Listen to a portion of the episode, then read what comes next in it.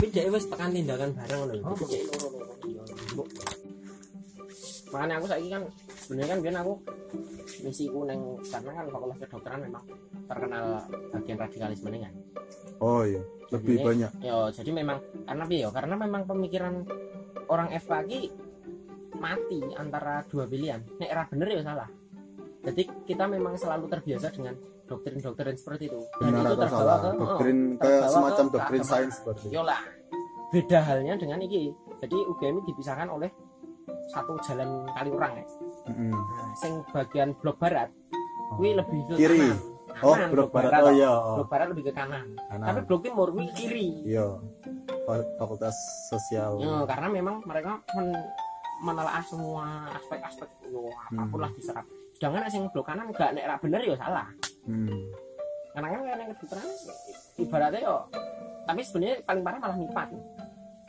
Sekarang-sarangnya. Enggak enggak di UGM sih, UGM eh enggak di FK sih karena FK wis rodok. Karena ini pemilihan Mapres eh Presma Unif juga kalah di FK. oh Nggak punya suara karena memang kader-kader dari si Hmm. Kader-kader ini tuh? aku dong ngomong. Aku lali pokoknya gue jadi kader-kader mereka itu memang aku orang nyebut beneran tapi ini yang tinggal itu beneran kader-kader mereka itu memang sedang lempem jadi masalah kaderisasi ini sebenarnya belum ada kabeh. regenerasi yang pas. Nah kui. belum ada faktor-faktor yang lain yang wah pater di sini padahal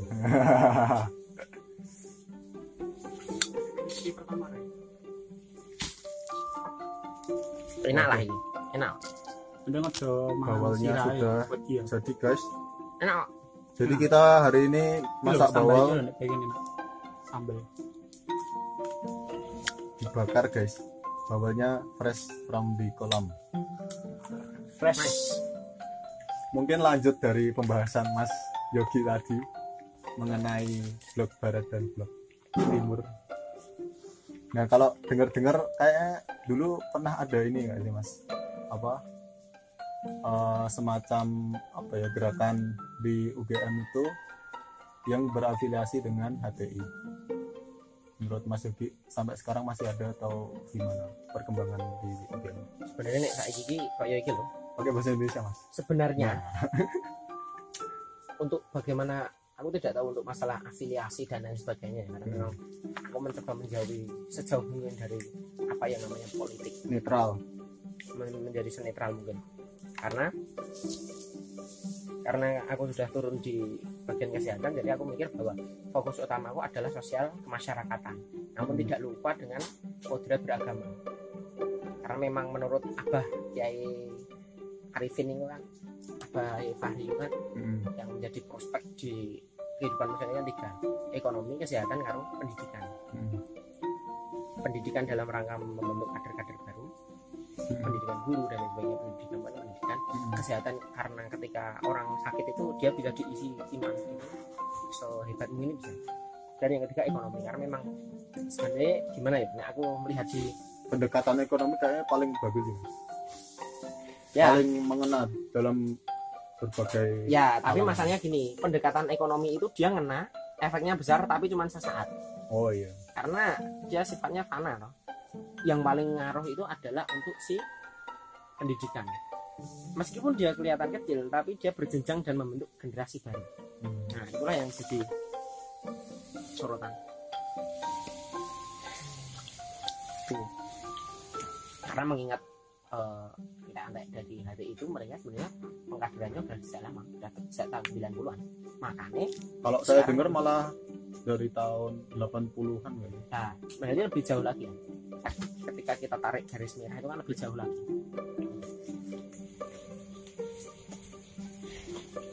Sebenarnya ini enggak aku tidak oh iya format- mungkin eh, teman-teman bisa ini saya share apa fakta menarik dulu Gus Dur juga hampir mendirikan Hizbut Tahrir di Indonesia yang pertama tapi eh, atas berbagai per- pertimbangan akhirnya Gus Dur nggak- jadi membentuk Hizbut Tahrir pertama di Indonesia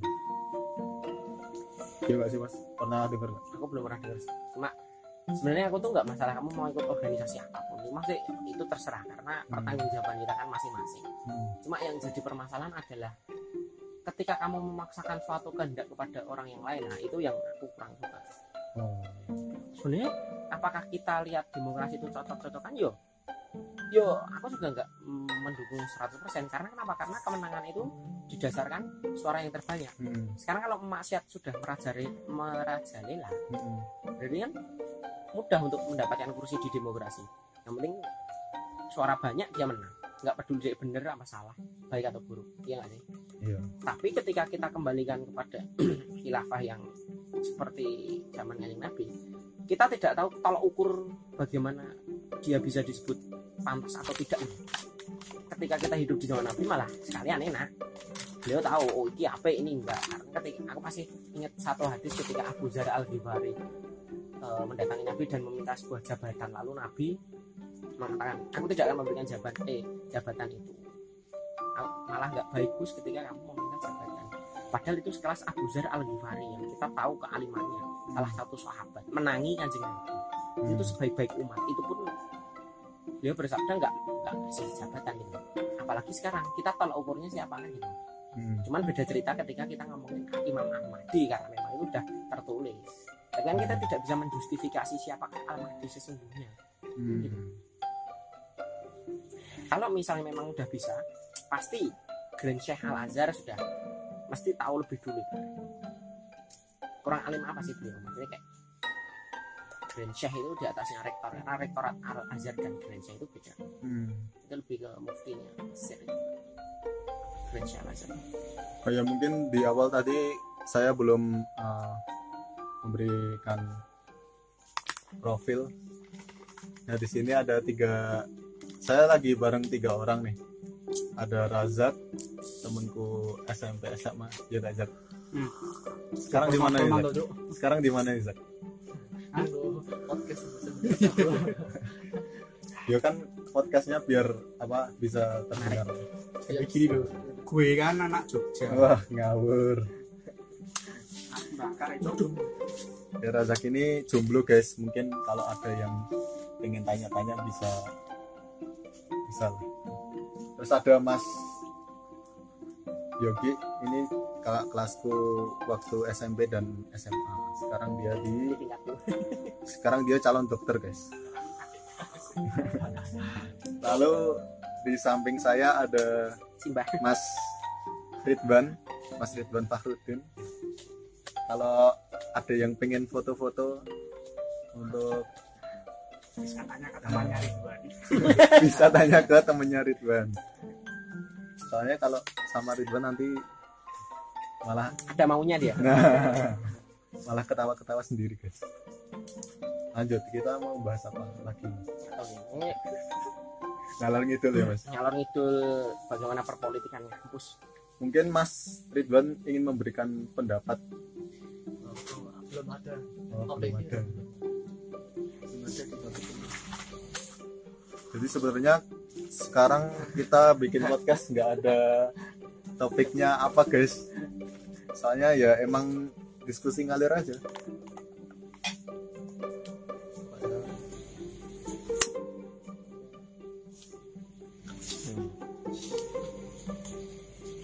karena di kampus pun aku gak ikut apa pun yang berbau organisasi Hmm. soalnya organisasi gak kemaan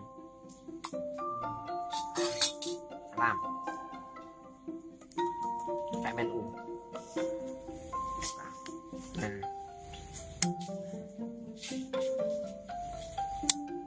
Ketika yang gue ikuti itu dia sudah mulai membahas tentang politik kampus aku lebih baik mundur. Emang gak mau.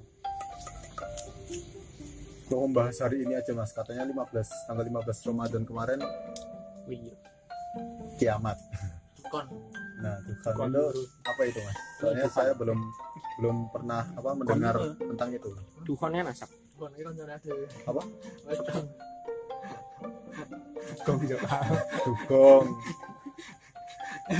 Ayo dikasih. Sampai. Hmm. Biar.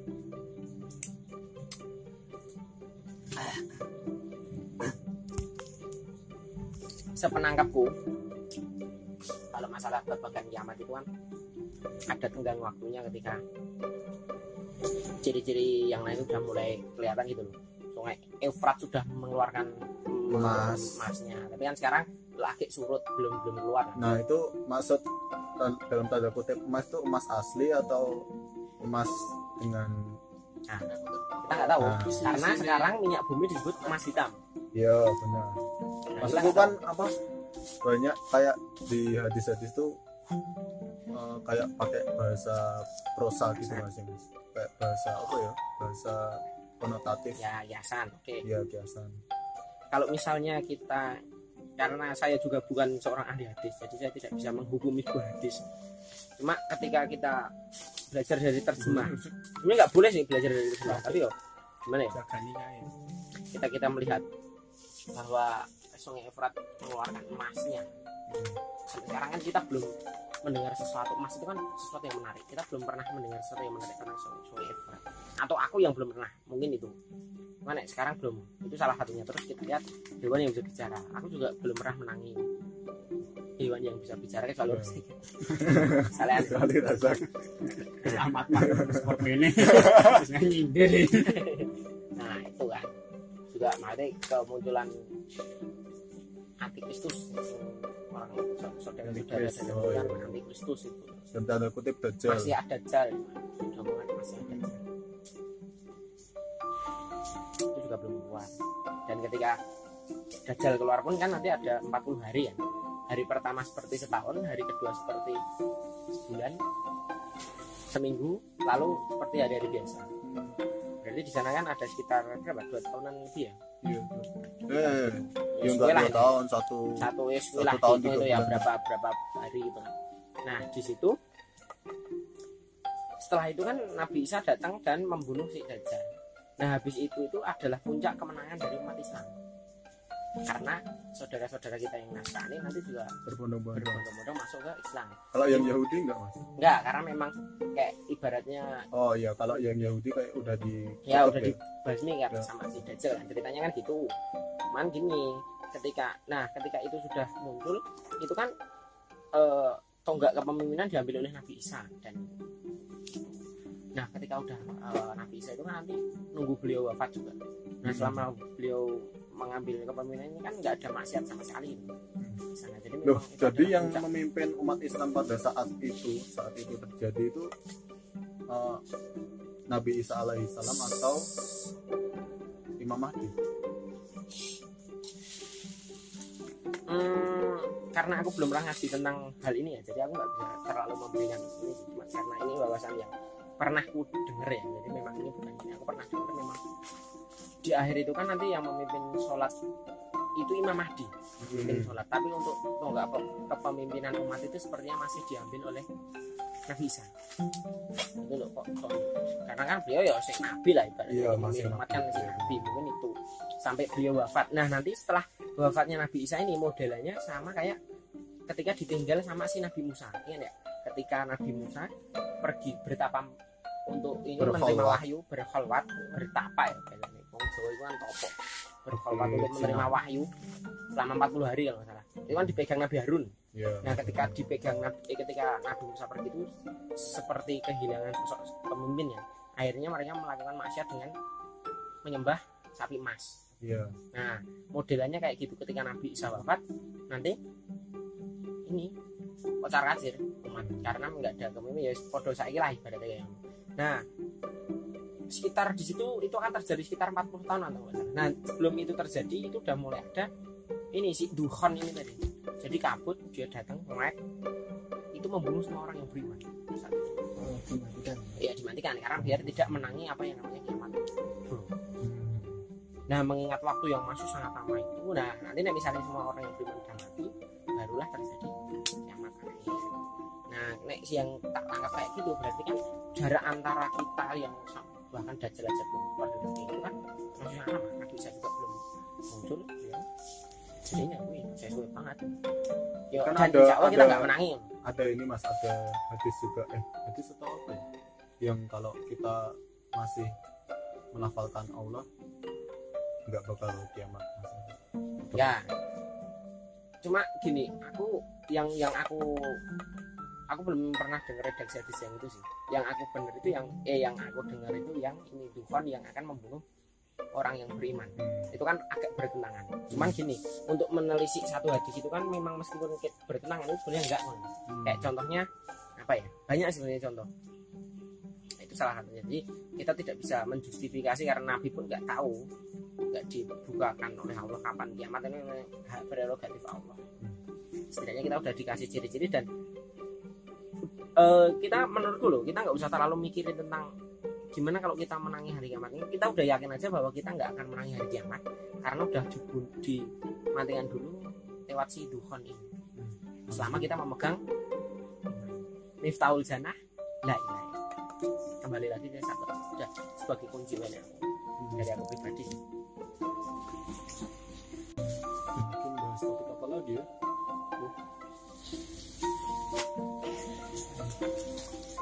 mau pernah nih kayak gini wajek ora apa-apa. Ora ora. Santai aku yang banyu ding wis kono wae.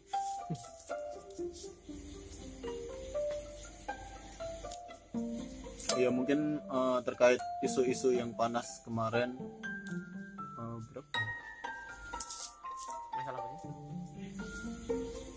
sih lah hari kemarin kan ini apa Stan lagi ada isu panas eh, yang udah langsung terkuak faktanya kan. Apa ada apa penundaan pembukaan pendaftaran bagi mahasiswa STAN tahun 2020 nih. Hmm. Nah itu ternyata kalau apa ya kalau ada rumor lah di kalangan teman-teman yang sebelumnya pernah disinggung sama Ibu Menteri Keuangan yaitu Bu Sri Mulyani itu eh, ada kayak apa ya gerakan intoleran lah intoleran atau semi radikalis di lingkungan Kementerian Keuangan. Nah Hmm. itu itu kayak kalau kita kaitin tuh ya kayak teori konspirasi lah itu apa berpengaruh pada menurunnya jumlah penerimaan di PKN STAN. Nah, terus ini kan juga lagi ada apa? Lagi ada pandemi covid juga kan. Jadi kayak ya itu salah satu apa ya rumor yang bisa kita ulik untuk saat ini. Berarti ceritanya mereka memang hendak mengurangi kuota Afghanistan setiap tahunnya? Se- kalau ya ya bisa. Kepentingan mereka itu maksudnya ya tapi eh, salah satu alasannya itu ya karena ada gerakan intoleran di dalam kementerian itu mas. Oh justru malah itu jadi maksudku ini sebenarnya gerakan intoleran itu mereka yang membuat posisi stan menjadi hmm, apa mahasiswa? Dikurangi jumlahnya atau mahasiswa itu dikurangi jumlahnya agar mengurangi orang-orang intoleran. Ya Sendi kalau nomor siji apa nomor loro? Kalau menurutku yang nomor dua mas. Hmm. Nah, kan kalau kita sebagai mahasiswa baru kan ya nggak mungkin kan kalau kita langsung wah saya berpikiran intoleran. Pasti kan juga ada apa usaha gitu dari orang-orang yang sebelumnya yang yang mungkin udah apa udah berafiliasi dengan orang-orang yang seperti itu. Nah dengan apa dikuranginya penerimaan ini jadi kan kayak regenerasinya berkurang. Nah diharapkan bisa menghentikan gerakannya tuh mungkin nggak gitu. Soalnya kemarin apa dari pengalamanku kan sekarang aku semester 4 kemarin semester 3 tuh ada eh, ini pelatihan baru di PKN STAN jadi pelatihan namanya pelatihan perisai. Nah itu tuh kayak buat eh, mengembalikan nilai-nilai apa ya nilai-nilai Kementerian Keuangan tuh. Kayak ya pokoknya yang 10 nilai Kementerian Keuangan itu biar ya salah satunya untuk mengurangi gerakan intoleran itu sih.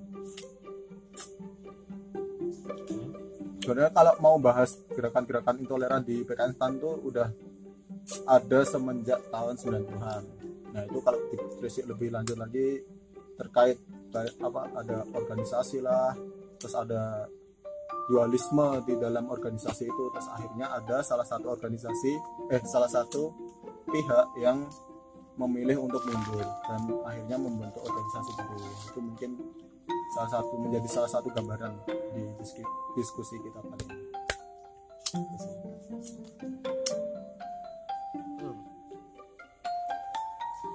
Ini sebenarnya menarik sih soalnya gerakan toleran tuh nggak cuma di dalam perguruan tinggi kedinasan kayak apa ya? Udah merambat ke seluruh lini nggak sih mas? Di PTN ada di PTS juga ada. Itu menarik. Cuman eh, sebelum kita membahas tentang gerakan intoleran kita harus tahu dulu nanti apa itu gerakan intoleran? Karena kan gini itu kan perspektif itu kan yang cukup subjektif ya Iya. masalah toleransi dan tidak. Nanti kadang ada orang yang mengatakan ini toleransi tapi itu juga berbatasan tipis dengan liberal. Belum ada eh, apa ya anu tolak tanda. ukur. Ah, tolak ukur. ukur yang tepat untuk mengatakan ini disebut toleransi dan tidak. Hanya saja kita bisa menggunakan beberapa hadis-hadis nabi nggak tahu gini loh. Selama ini aku mencoba untuk karena aku juga seorang muslim terus namanya aku ngaji dan hidup di desa. Karena kan stan udah termasuk elit ya jadi udah ada di perkotaan itu. Karena orang-orang kan merantau ke sana untuk menuntut ilmu yang sih Iya. sedangkan coba kita lihat orang-orang desa apakah dari mereka itu ada satu gerakan intoleran? Kita lihat dari orang desa dulu apakah mereka terlihat ada sesuatu hal yang intoleran kan enggak loh. Maksudnya ya ya wis biasa aja. Hmm. Semakin kamu biasa aja yo yo wis biasa nanti tidak ada sesuatu yang perlu dipermasalahkan ya. ketika aku hidup di desa nggak ada sama sekali ya maksud soalnya kan kalau hidup di desa kayak permasalahan utamanya masalah perut nggak sih Mas? semasalah-masalah perutnya ketika ada tetangganya yang butuh bantuan dan lain sebagainya itu masih tetap oke gini Iya. gitu. Dalam lingkup satu kampung. Ya cuman nggak tahu kenapa ketika rodok nih perkotaan sedi- sedikit ketika kita menuruti akal oh ini tuh lebih bagus ini. Aturan pemerintah ini tuh nggak benar ini tuh gini gitu. Hmm. ini tuh nggak benar ini tuh gini. Muncullah mulai iya membangun nafsu untuk aku dia merasa lebih bisa untuk mendandani ini dan dia mencoba menyingkir yang di sana. Hmm. lihat aku mau unjuk gigi. Hmm. Dan akhirnya orang-orang semua akan berpikir seperti itu. Berlomba-lomba. Berlomba-lomba untuk unjuk gigi. Hmm. nah sebenarnya masanya di situ. Jadi ya jadi yang jadi masalah itu sebenarnya bukan masalah itunya tapi kembali ke pribadi masing-masing. Nah sekarang ini aku agak menarik sih. Aku tadi juga rada ini gara-gara nonton post- di timeline yang ada di postingan di line itu ngomong gini pendiri gerakan anti pacaran mengatakan nggak masalah anak umur 12 tahun itu nikah silahkan kalau dia udah puber Hmm. nah dia mengatakan seperti itu. Hmm. oke gerakan insan tanpa pacaran itu oke itu bagus karena memang biasanya ujung-ujung dari pacaran itu kan ke zina itu berarti kan mengurangi maksiat itu. tapi ketika dia sudah mulai terlalu jauh untuk ngomong kayak gitu kita harus lihat dari beberapa segi yang lain contoh kenapa yang namanya anak di bawah umur itu dia rentan kena kanker serviks Iya. itu ada karena gini kalau dalam kaitan medis ya Oh, dalam kaitan medis. Jadi nek orang sedang mau nikah itu kan pasti nanti berhubungan badan. Nah, kita ada yang namanya epitel atau sel pelindung kulit. Nah, yang sel pelindung kulit yang paling luar ini, pokoknya yang berhubungan dengan dunia luar itu modelnya tipis pipih, Hmm. tipenya pipih. Untuk pelindung organ dalam itu modelnya kubus. Gitu. Nah, semakin dewasa di daerah serviks yang ada di dekat vagina itu dia eh, bagian luarnya itu dia masih kubus. Hmm. Nah, semakin berangsur-angsur bertambahnya usia, Jadi itu dia epitel. menjadi epitelnya pipih semakin ke dalam. Jadi yang kubus itu rodok jeruk. Hmm. Jadi ibaratnya karena saking dalamnya, jadi penis itu nggak akan nyampe sana ya. Sepanjang panjangnya nggak ngomongin sampai sana. Hmm. Nah, ketika dia itu sampai di bawah umur itu tergesek, Hmm. maksudnya kan otomatis kena benturan-benturan. Memicu pertumbuhan memicu pertumbuhan sel. dia yang tidak normal. iya pertumbuhan normal Karena dan memicu memang- kanker. Ya, karena fungsi dari epitel kubus itu dia adalah ekspresi. Ekspresi itu mengeluarkan sesuatu. Hmm. itu hormon itu apa pun Hmm. cairan. Tapi kalau yang pipih itu untuk perlindungan. Hmm. jadi ibaratnya memang mereka belum kuat gitu. Hmm. itu dari segi medis. Nah sekarang gini. Aku agak menggarisbawahi tadi tak post di IG sih. Eh, Nabi itu ngomong ketika kamu mampu menikah menikahlah ya Hmm. menyegarakan menikah Hmm. tapi di sisi lain kita ngomongin ini Nabi itu nggak boleh nyuruh kita nggak boleh terburu-buru karena terburu-buru itu sifatnya si setan bahkan sholat misalnya komak pun udah ikomak pun pernah tau ada ini Ali bin Abi Thalib atau Abu Bakar yang di bawah yang ada di belakang nenek Yahudi itu Oh, ngerti aku. Iya. Tahu. ketika dia mau sholat tuh nih ngarep ono mbah mbah ya Allah. Kan, dia nggak mau salah. nabas kan dia nggak mau nyalip si mbahnya padahal nek sekarang kan ya sah sah aja gitu. Iya. nyalip tapi dia enggak padahal itu wajib sholat loh.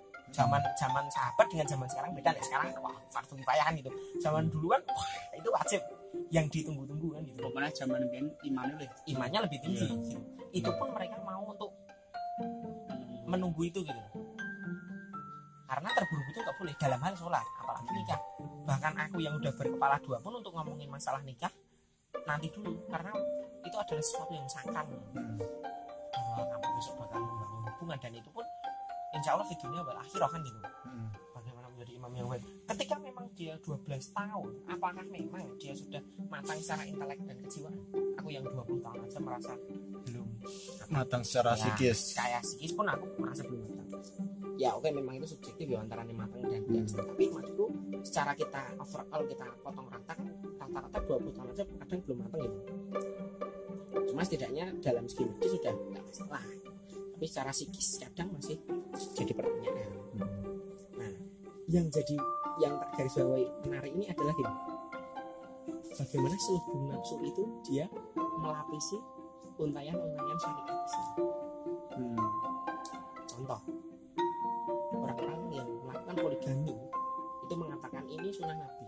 Nah, dan itu nggak dilarang karena di Al-Quran ada. Oke, kita pakai dua sudut pandang wanita itu adalah orang yang lemah benar atau salah Iya. oke kita anggap wanita itu adalah orang yang lemah Dalam sisi tertentu. dalam sisi tertentu Iya. oke kita anggap secara overall kita ketika kita bandingkan wanita dan laki-laki lemah si wanita Hmm. ketika kita menjaga satu barang lemah itu pahalanya dua otomatis eh ya satu wes kalau kita menjaga empat Hmm. kan berarti lebih baik lagi ya? Hmm. tapi sebaliknya ini ketika kita menyakiti satu itu dosa kalau yang kita sakiti empat Oh, iya. Nah, jadi masih ada hukum kausalitas ya. meskipun di Al-Quran itu diterangkan bahwa itu eh, nilailah dua tiga empat di antara wanita itu kan Quran surat An-Nisa warubah tapi jika kamu tidak bisa merasa adil maka nikailah satu saja Hmm. itu kalau salah satu ibu saya lupa namanya. Siapa itu itu itu konteksnya sama dengan pernyataan di Al-Quran gini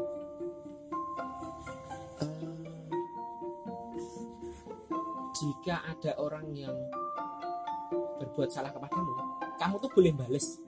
Tapi lebih baik kalau kamu nggak bales. Gitu. Nah itu konteksnya sama. Jadi di sini ibaratnya Al-Quran itu membolehkan kamu untuk balas tapi lebih baik kalau kamu nggak balas nah itu konteksnya disamakan. Kamu tuh boleh dua tiga empat tapi jika kamu tidak bisa adil kenapa Tuhan mengatakan tapi jika tidak kamu tidak bisa berbuat adil? Karena Tuhan tahu bahwa manusia itu memang tidak bisa bersikap adil. Hmm. maka nilailah satu saja gitu ada yang menafsirkan seperti itu. Jadi kalau terkait dengan tafsir yang seperti itu, berarti hukumnya poligami itu sebenarnya mubah dong. Ya tetap boleh. Karena ada di dalam Al-Quran itu. Ya iya, secara maksudnya teks. maksudnya eh, bukan suatu apa ya, bukan sunnah berarti. Lebih ke hukumnya lebih mubah. ke hukum ya sih lebih ke seperti itu tapi di kalau kita pakai konteks yang itu tadi ya tafsirnya berarti lebih dianjurkan untuk punya satu Hmm. karena Tuhan tahu bahwa manusia itu tidak akan pernah adil gitu Hmm. tapi kan ada orang yang mengatakan oh poligami karena itu adalah sunnah Nabi Hmm. dan Nabi itu punya sembilan dan itu janda semua yang satu-satunya yang perawan adalah Sayyidatuna Aisyah Hmm. Dan naik sekarang yang digolek perawan kabeh kan gitu. Kadang Iya. kita Kadang malah di bawah umur. ya itu. Nah itu loh. Jadi selubung-selubung nafsu itu dia membungkus syariat Hmm. mengatasnamakan sorry salah. Selebung masuk itu dibungkus oleh syariat nah yang jadi diskusi menarik itu sebenarnya di situ bahkan akhir-akhir ini pun ini juga aku juga mikir sih. Bahkan aku pun juga mengalaminya gitu. Hmm. contoh kita nggak sholat jumat itu karena kita malas atau karena mematuhi aturan para ulama. Nah itu. Itu pun aku masih garisnya tipis itu. Jadi sekarang kadang kan mungkin mikir oke nggak terlalu bahaya. Sholat jumat pun nggak apa gitu. Hmm. tapi kadang kita alah mau oleh enggak kok? Kenapa harus gitu? Nah modelnya kayak gitu. Itu aku pun mengalami sendiri karena aku nggak mau munafik ya memang aku mengalami Hmm. Menarik kan menarik menarik kita kita jadi yang tak garis bawahi bukan masalah oh si A ini intoleran B intoleran yang tolerannya C enggak itu nanti sama aja menghakimi Hmm. tapi akar dari semua itu. Hmm. sekarang eh, kita semua itu belum termasuk orang-orang yang bisa mawas diri ngempet apa pun itu. Apa pun kita merasa kita lah yang terbaik. Dalam hal agama kita yang terbaik nggak sesuai dengan kita itu salah. Dalam hal pemerintahan kita juga yang terbaik ini salah. Mereka nggak becus dan lain sebagainya itu karena semua orang rumongso bisa bukan bisa rumongso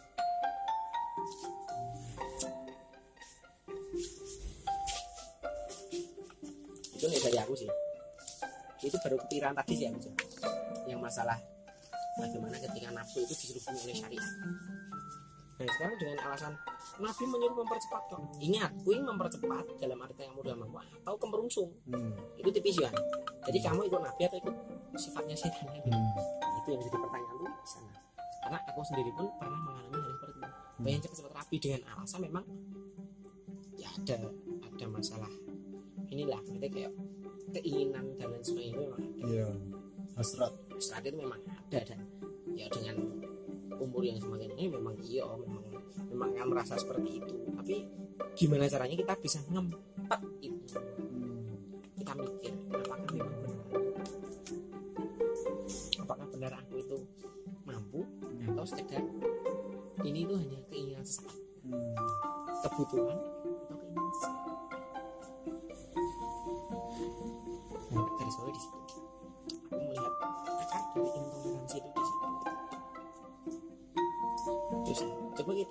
belajar dari orang desa ya wes mangan esok macul. Ke sawah mulai ngaji sholat. Ya wes semuanya wes gitu kehidupan kayak kayak gitu aja.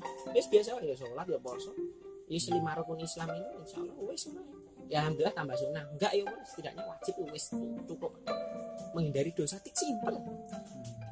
Menjalankan perintahnya dan menjauhi larangan titik